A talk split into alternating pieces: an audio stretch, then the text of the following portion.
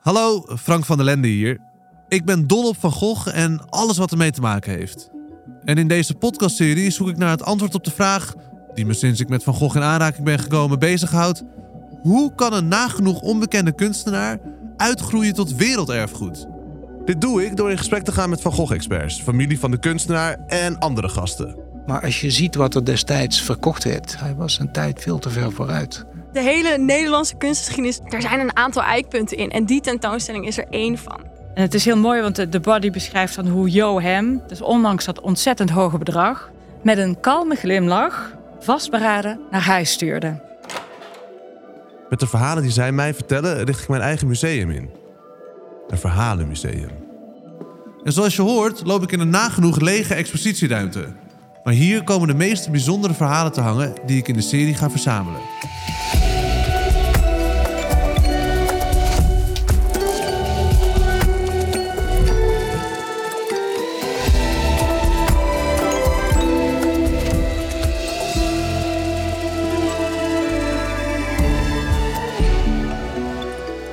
In de vorige aflevering ben ik alles te weten gekomen over de magere bekendheid van Vincent op het moment dat hij overleed en over de bijzondere broederband tussen Theo en Vincent. Dankzij Theo's onvoorwaardelijke steun kon Vincent zich wijden aan zijn unieke kunst. Alleen daar komt helaas een abrupt einde aan. Vincent leeft niet meer. Een half jaar later overlijdt Theo. Hij laat zijn vrouw Jo en zijn zoontje Vincent achter met een gigantische nalatenschap en een nog grotere droom. Vincents werk en Theo's wens om hem groot te maken.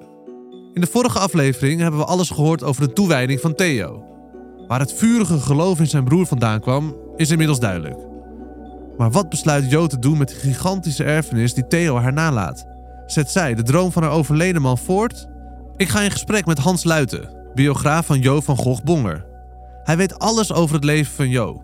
Voordat ik in de grote beslissing duik die Jo moet maken na het overlijden van Theo, wil ik eerst een klein stapje terug om haar te leren kennen. Hans, welkom. Goedemorgen. Uit wat voor nest komt Jo eigenlijk? Jo komt uit een cultureel heel goed onderlegde familie hier in Amsterdam. Eh, haar vader was werkzaam bij De Zeepost. Dat was een blaadje dat elke dag verscheen over eh, scheepsberichten. Daar verdiende hij redelijk mee. En alle kinderen van het gezin kregen ook een, een goede opvoeding. En ze konden de school volgen. Dat was niet vanzelfsprekend. Zeker niet voor, voor meisjes destijds. Eh, dat is mooi om te zien. Dus iedereen kreeg die kans. Vader speelde zelf ook in een, eh, in een kwartet, viool. Onder andere met Viotta. Eh, dus de kinderen kregen al heel vroeg veel te horen van de klassieke muziek. Ze gingen naar concerten, ze gingen naar theatervoorstellingen. En de literatuur, ja, die stond echt hoog in het vaandel. Dus Jo was een heel fervent lezer. En eh, dat is heel mooi om te zien. Dat, daar ligt een basis voor veel. Jo kwam dus op jonge leeftijd al veel in aanraking met cultuur. Maar hoe ontmoette ze Theo? Dat gebeurde via haar broer Andries, die Theo kende uit Parijs. En toen zij in 85 naar Nederland kwamen, toen had Andries het familie al een beetje voorgemasseerd. En die heeft gezegd, nou, dit is een interessante man. Ik kan het heel goed met hem vinden. Een, een, een, leuke vriend van mij. En ook zij gingen vaak eh, naar musea, elke zondag naar het Louvre. Ze lazen ook de moderne literatuur. Dus Theo paste heel goed. Het is, het is een gezin waarin dezelfde sfeer heerst als bij ons thuis, zegt hij dan ook als eh, Andries aan zijn ouders schrijft. Toch is het geen liefde op het eerste gezicht tussen Theo en Jo. Jo's hart ligt nog bij een andere man. Theo was direct gecharmeerd van Andries' zus. Hij begint een lange campagne om Jo toch voor zich te winnen. Zijn strijdplan gaat over vele schijven. Dus ze hielden wel contact, Theo en Jo, voordat ze verkering hadden. Dat ging via Andries. Ah. An- Andries was op de hoogte van hoe het, hoe het met Jo stond en, en, en, en Theo weer. En, en die twee broers waren ook zo slim dat ze de zus eh, Lies lieten ze gaan corresponderen met Jo. En dan vroeg Theo weer via Lies of die nog nieuwe informatie kon krijgen. Maar een mooie ouderwets liefdesspel. Ja, het is, het is, Ja. het is een briefcultuur. Hè. Wij zijn dat een beetje ontwend. Eh wij appen ons helemaal suf. Maar die mensen gingen ervoor zitten. Meteen al in die allereerste brief van Theo aan Jo speelt Vincent ook een rol. Eh, Jo wist uiteindelijk dat als ze met Theo verder zou gaan en gaan trouwen, dat ze er, dat ze er Vincent bij kreeg. Theo slaagt niet zomaar. De eerste keer dat hij een huwelijksaanzoek doet, wijst Jo hem resoluut af. Hij heeft geduld nodig. Maar de aanhouder wint. Als de twee elkaar een paar jaar later opnieuw tegenkomen in Parijs, slaat de vonk toch over. De twee verloven zich en zo werd Jo in april 1889 Jo van Gogh Bonger. Ook realiseert ze zich van het begin af aan dat ze Vincent er met haar keuze voor Theo bij krijgt.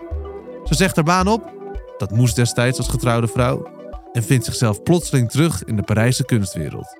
Parijs, ja, dat was.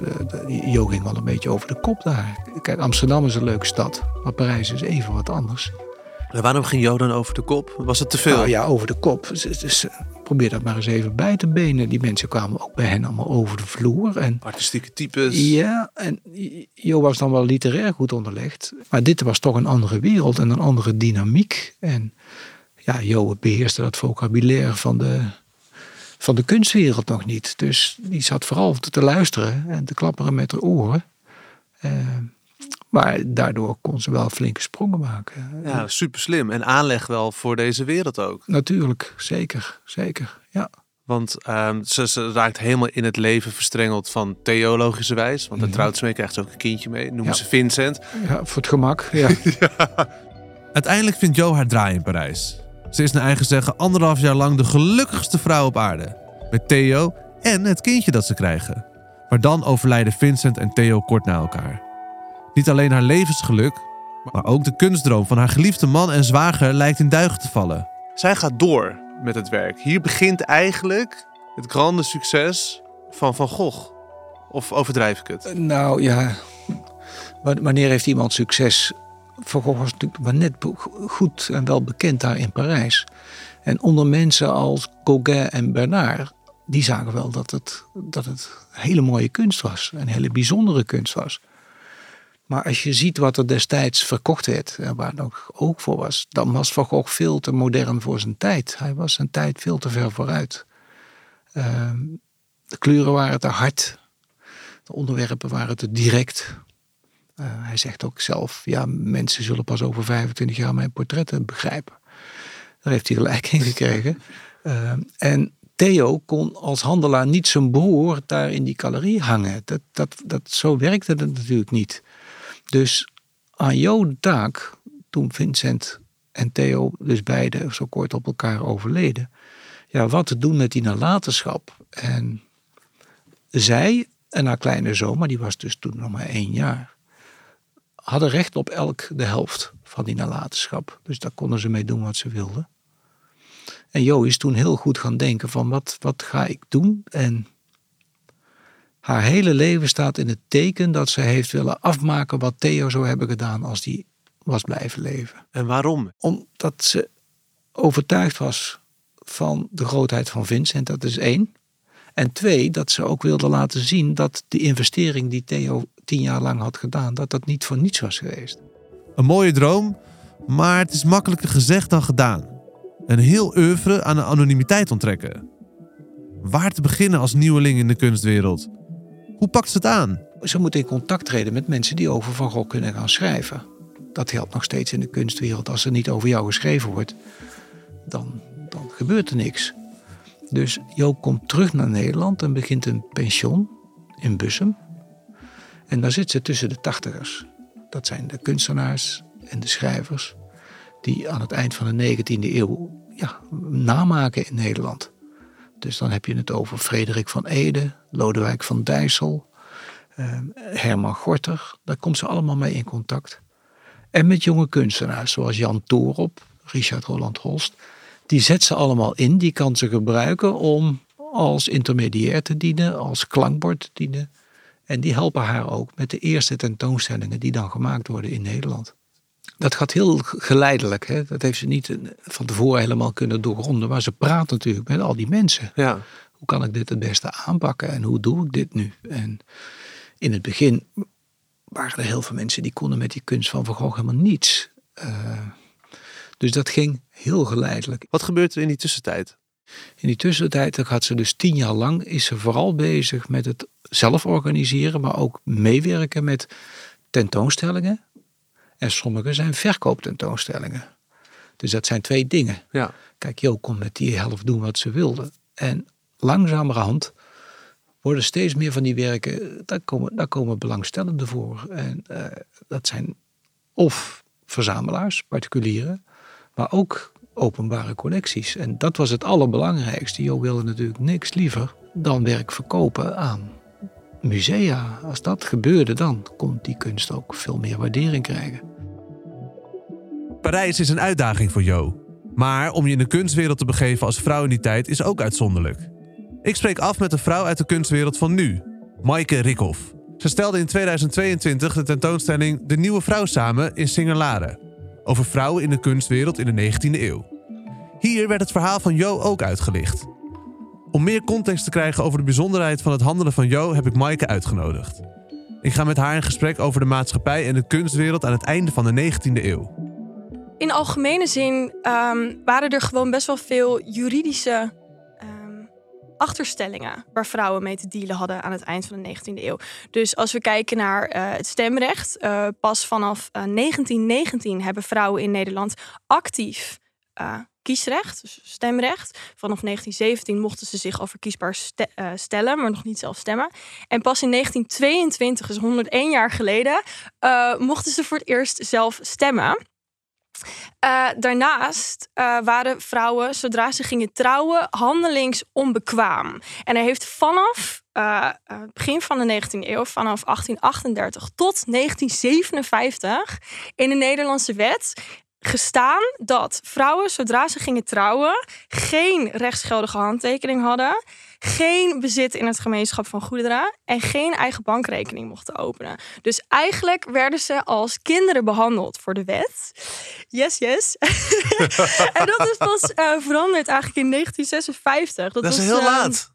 Dat is super laat. Dus, maar goed, even om de algemene context. Uh, vanaf het eind van de 19e eeuw veranderde er veel voor vrouwen op zowel juridisch gebied als ja, moreel gebied. Dus um, de normen en waarden waar vrouwen mee te maken hadden. Uh, dus betaald werk werd, werd steeds normaler. Eerst was er een gigantisch taboe. Uh, maar goed, het ging heel mondjesmaat en het ging ook niet mega lineair. Dus in de jaren 30, na de beurskracht van 1929, de crisis, zie je dat in de jaren 30 er weer een ongelofelijke dip komt. En dan zie je ook dat heel veel politieke partijen, met name de, de christelijke partijen, willen dat uh, getrouwde vrouwen of vrouwen, zodra ze in het huwelijksbootje zouden stappen, automatisch ontslagen werden. Ja. Wauw. En daarvoor, dus dat het allemaal eh, beter ging, dus voor 1956, was ja. Joe dus al aan de weg gaan het timmeren. Nu je deze context zo geplaatst hebt, is het eigenlijk nog veel knapper wat zij heeft gedaan, toch? Ja, absoluut. Ja, want... want hoe zie jij dat? Hoe zie jij haar rol in, in, in het verhaal van Van Gogh? Jo is, is zeker uitzonderlijk um, in de zin dat zij degene was die, uh, ondanks de, zowel de juridische als de ja, morele beperkingen waar ze mee te maken had. Dus de ideeën dat uh, ja, vrouw zijn inferieur is aan man zijn, dat je tot minder dingen in staat bent, dat bepaalde handelingen typisch vrouwelijk zijn of typisch mannelijk zijn, wat heel beperkend werkt. Um, desondanks was zij degene die correspondentie onderhield met uh, andere kunsthandelaar die man waren. Musea, uh, om, om, om uh, werken van Vincent van Gogh aan de man te brengen. Exposities organiseerde in 1905 tot nu toe de, nog steeds de grootste Van Gogh tentoonstelling ooit. Met 484 kunstwerken in het Stedelijk Museum. Super sick. Dus zij heeft uh, dat allemaal gewoon gedaan. Was, dat, was het ook in haar voordeel misschien wel? Dat zij een vrouw was in die mannenwereld? Dat durf ik niet te zeggen. Maar wat je dus wel vaak uh, hoort, wat, wat ook bij Jo het geval was, dat er dan gezegd wordt: ze was een hele bijzondere vrouw. Dus ondanks het feit dat ze vrouw was, heeft ze toch dit en dit en dit gedaan. En in die zin wordt ze dan opgevoerd als een uitzondering die de regel bevestigt. Want door heel erg te blijven benadrukken hoe bijzonder iemand is, um, ja, benadruk je ook dat het dat het, dat het dus een uitzondering was. En niet de regel om nee. gelijkwaardig te zijn aan mannen. Maar dat was toen. Uh, en, en daarom is het voor nu ook nog steeds heel bijzonder dat zij als een van de weinige vrouwen op de voorgrond trad. Ja. Als kunsthandelaar. Ja, het hey. zegt heel, heel erg iets over doorzettingsvermogen. Ja, ik vond het verhaal van Jo al prachtig. Uh, maar, dat, maar dit verhaal, jouw verhaal daarbij, maar het verhaal van haar nog beter. Wat heeft zij betekend, denk je, ook nog voor de emancipatie? Of heeft ze de weg geplaveid? Ik denk los van die hele concrete feitelijke uh, het oprichten van clubs, is het toch ook het zijn van uh, ja, een rolmodel. Dat is een beetje een clichématig woord, maar goed, het is wel iemand die ondanks de obstakels van, nou ja, in dit geval haar tijd, um, zich een weg daar uh, doorheen heeft gebaand en um, hele belangrijke dingen heeft verricht en waar andere vrouwen dan weer naar op konden kijken als, als voorbeeld. Wat is het grootste wat ze heeft gedaan voor de nalatenschap van Vincent van Gogh? Wat is haar grootste daad geweest? Het organiseren van tot de tot nu toe eh, nog steeds grootste overzichtstentoonstelling van het werk van Van Gogh in 1905 in het Stedelijk Museum in Amsterdam. Met echt 484 kunstwerken. Nou, ik heb dus ook die tentoonstelling gemaakt vorig jaar. Dat waren 76 schilderijen. Weet je wat voor werk dat is? 484, ik moet er niet aan denken, joh. Want dat is, dat is, dat is uh, praktisch gezien echt heel moeilijk ook gewoon de schaal en het, het, het ambitieniveau. En dat is uh, een tentoonstelling die heel veel kunstenaars ook hebben gezien. Waardoor het voor de, de, de artistieke receptie ook heel belangrijk is geweest. Dus kunstenaars die dan weer op hun beurt ge geïnspireerd zijn geraakt door Van Gogh. De hele Nederlandse kunstgeschiedenis zoals die zo uh, een beetje lineair geschreven is nu. Er zijn een aantal eikpunten in en die tentoonstelling is er één van. Daar zagen de kunstenaars um, de kleuren pracht en de felle, uh, de, de, de, dikke penseeltoets en het, het expressieve karakter van Van Gogh. Dat wist ik niet. Dat het zo'n zo'n inspiratie is geweest voor de generatie daarna. Maar dat maar, die 1905 wordt steeds groter nu eigenlijk. Destijds kon je bij de gemeente zalen huren als particulier en daar zelf je eigen tentoonstelling maken. De show heeft die complete organisatie op zich genomen. Zo. Er zijn hier in het gemeentearchief nog hele mooie brieven van haar hoe ze probeert de commissie te overtuigen dat dit eh, belangrijk is dat dit gebeurt. Ja, want je moest dan een goed verhaal hebben. Het is moet dat jij nee. even aanbellen en zeggen: Mijn neefje heeft dit geschilderd, hang het op. Nee, zo ging het inderdaad. En ja, daar hangen bijna 500 van Goghs. Dat is, dat is nooit meer gebeurd en dat zal nooit meer gebeuren. En, en alles hing er, alle grote werken, ja, kleine die, werken. Waren, die waren natuurlijk voor het grote, grotendeels allemaal nog in het bezit van Jo. Uh, en daar komen mensen uit Parijs en er komen mensen uit Berlijn. En moet je je voorstellen, dat is 1905. Hè? Je hebt wel eens van die dikke en dunne films gezien. Wat voor autootjes dat En dat is later in de tijd nog. Uh, ik heb toen bekeken dat tussen Haarlem en Amsterdam rijden in 1905 12 auto's per dag. Zo. En dan zie je dat door die tentoonstelling gaan er heel veel mensen erover schrijven. Wordt er verkocht aan Berlijn ook. En wordt het veel internationaler. Van Gogh buiten de landsgrenzen. De internationale pers begint het werk op te pikken. En Jo heeft een goed begin gemaakt om de droom van Theo te verwezenlijken. Er werd over geschreven, er werd dus ook wat verkocht. Maar dat was een stap. Nou, er werd flink verkocht en die prijzen gingen ook na die tentoonstelling omhoog. Zo werkt het altijd. Hoe duur ongeveer in guldens? Ja, dat, is, dat, is, dat ligt er een beetje aan de topstukken of niet. Maar, en het is altijd moeilijk om, om, om in geld die dingen uit te drukken. Hè. Ik geef aan dat een brood destijds 11 cent kostte. Mm maar, maar, ongeveer dan een, een werk van Vincent toen? De, de, prijzen gingen toen nog wel naar, naar, die gingen naar een paar duizend gulden. Dat begon toen wel echt... Uh, Op zich al veel als een brood 11 cent kostte. Ja, nee, nee dat, werd, dat werd toen werd het, werd het echt Echt heel serieus. En liet ze dan zomaar los en zomaar gaan? Nee, niet zomaar los en gaan. Ze had echt vastgestelde prijzen. En sommige, iedereen wilde afdingen natuurlijk. Dat, is ook logisch, dat kan. Dat hoort er een beetje bij. En dan zie je dat ze gaandeweg in de tijd de poot steeds stijver houdt. En dat ze leert om niet te makkelijk ja te zeggen. En wat ze ook doet is dat ze, en dat is tactisch, dat is slim, dat je die markt niet overspoelt. Dus dat ze steeds een deel verkoopt. Niet in één keer die hele boel in de uitverkoop. 500. Nee, nee, nee, nee. Dat, dat is het dus. En dat kun je ook zien om te zien. Of dan gaat ze ook naar hoe die, hoe die marktwerking is. Ze creëert schaarste eigenlijk. Wat iedereen wilt hebben na die expositie, denk ik. Dat er kapers op de kust waren, werd snel duidelijk. Er klopte steeds meer potentiële kopers aan bij Jo. Maar ze wist heel goed wat ze wel en niet wilde verkopen. En was zeker niet van plan om alles van de hand te doen. Rudy Zwicker, onderzoeker bij het Van Gogh Museum, stuitte in haar onderzoek op een wel heel bijzonder bod. Kunsthandelaar Johannes de Bois die beschrijft in het Haarlems Dagblad hoe hij dus in 1911 naar Jo van Gogh ging. Um, met een nagenoeg onbeperkte volmacht die hij had gekregen van een kunstliefhebber, die de gehele collectie van Gogh wilde kopen voor zijn eigen museum. En, ehm, en het is heel mooi, want de, de body beschrijft dan hoe Jo hem, dus ondanks dat ontzettend hoge bedrag, met een kalme glimlach vastberaden naar huis stuurde. En de body noemt het een commerciële nederlaag, die mijn respect voor haar, die mijn aanbod afsloeg, nog vermeerderde. En wie was die liefhebber dan? Ze weigerde om het hele oeuvre van Vincent aan mevrouw Kruller te verkopen, hoewel mevrouw Kruller haar een onbegrensd bedrag bood. Van het Krullenmuller Museum, toch? Wie was zij? Zij was getrouwd met Anton Kruller, een steenrijke zakenman. Nou ja, zou zij het zijn geweest in 1911? Hè? Ze was nog niet zo lang bezig. Maar nu was het zo dat zij in de zomer van 1911, dus dat is wanneer dat bod dus plaatsvond, toen was zij heel ernstig ziek. Levensgevaarlijk, ze wist niet of ze dat zou overleven. Dus zij kan dat bod dus niet hebben uitgebracht toen. Maar wat zegt zij tegen haar man? Zij ligt in het ziekenhuis en ze zegt: Anton, als ik dit overleef, dan wil ik mijn collectie uitbreiden. En dan wil ik die onderbrengen in een museum. Toch was dit niet de eerste keer dat ze kunst aankochten van Van Gogh. Helene's man Anton was bovendien net zo weg van het werk van Vincent als zijn vrouw. Hij had zelfs in 1910 al gezegd dat hij alle Van Goghs die nog beschikbaar waren zou willen kopen. Toen Helene in 1911 haar man vertelde dat ze graag een eigen museum wilde stichten, had Anton een directe aanleiding. Hij deed een poging om de gehele collectie van Jo te bemachtigen.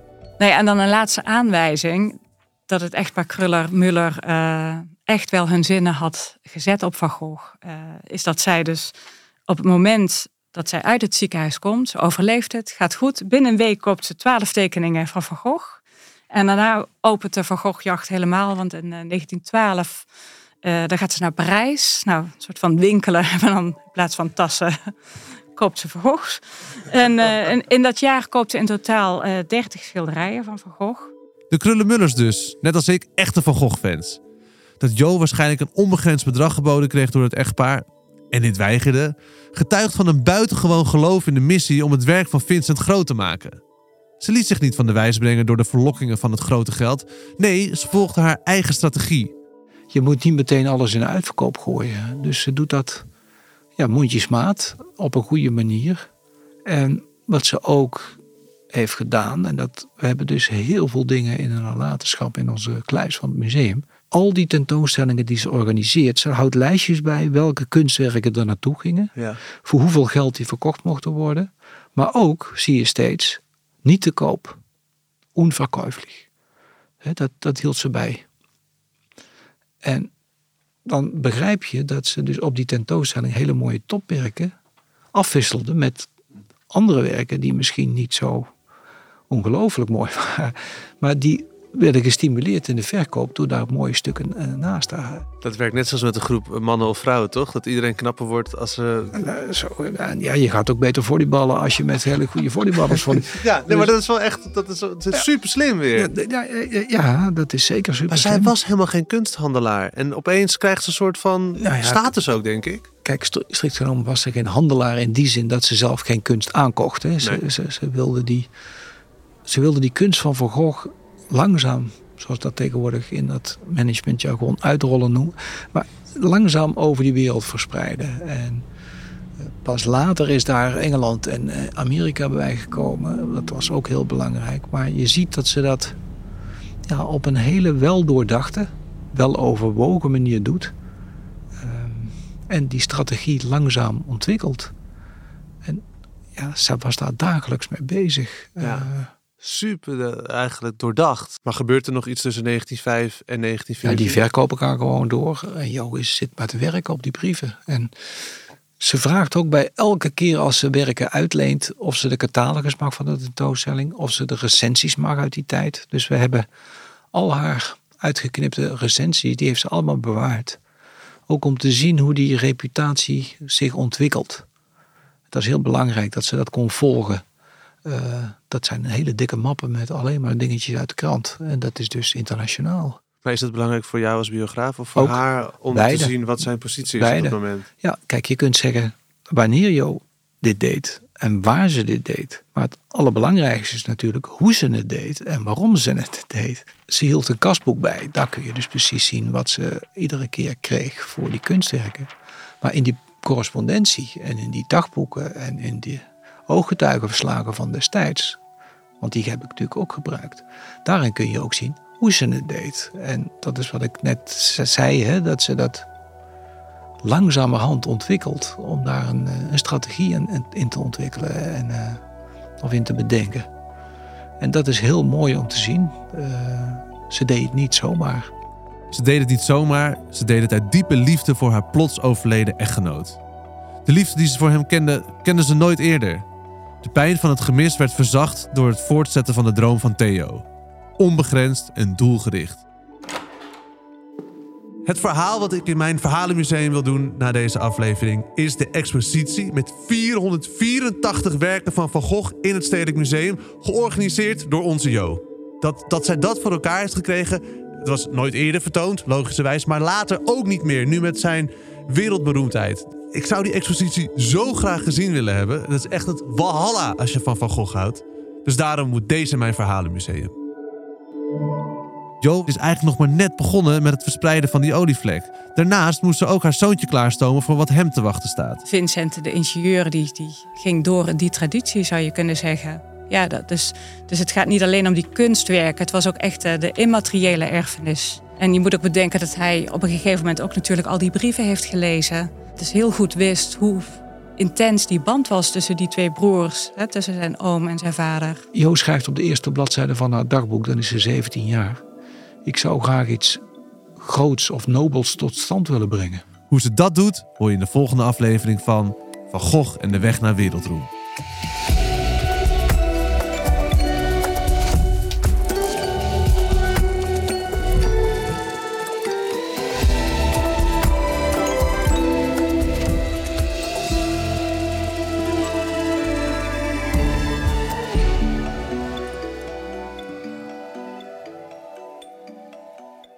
Deze podcast wordt mede mogelijk gemaakt door de Vincent van Gogh Stichting en van Landschot Kempen.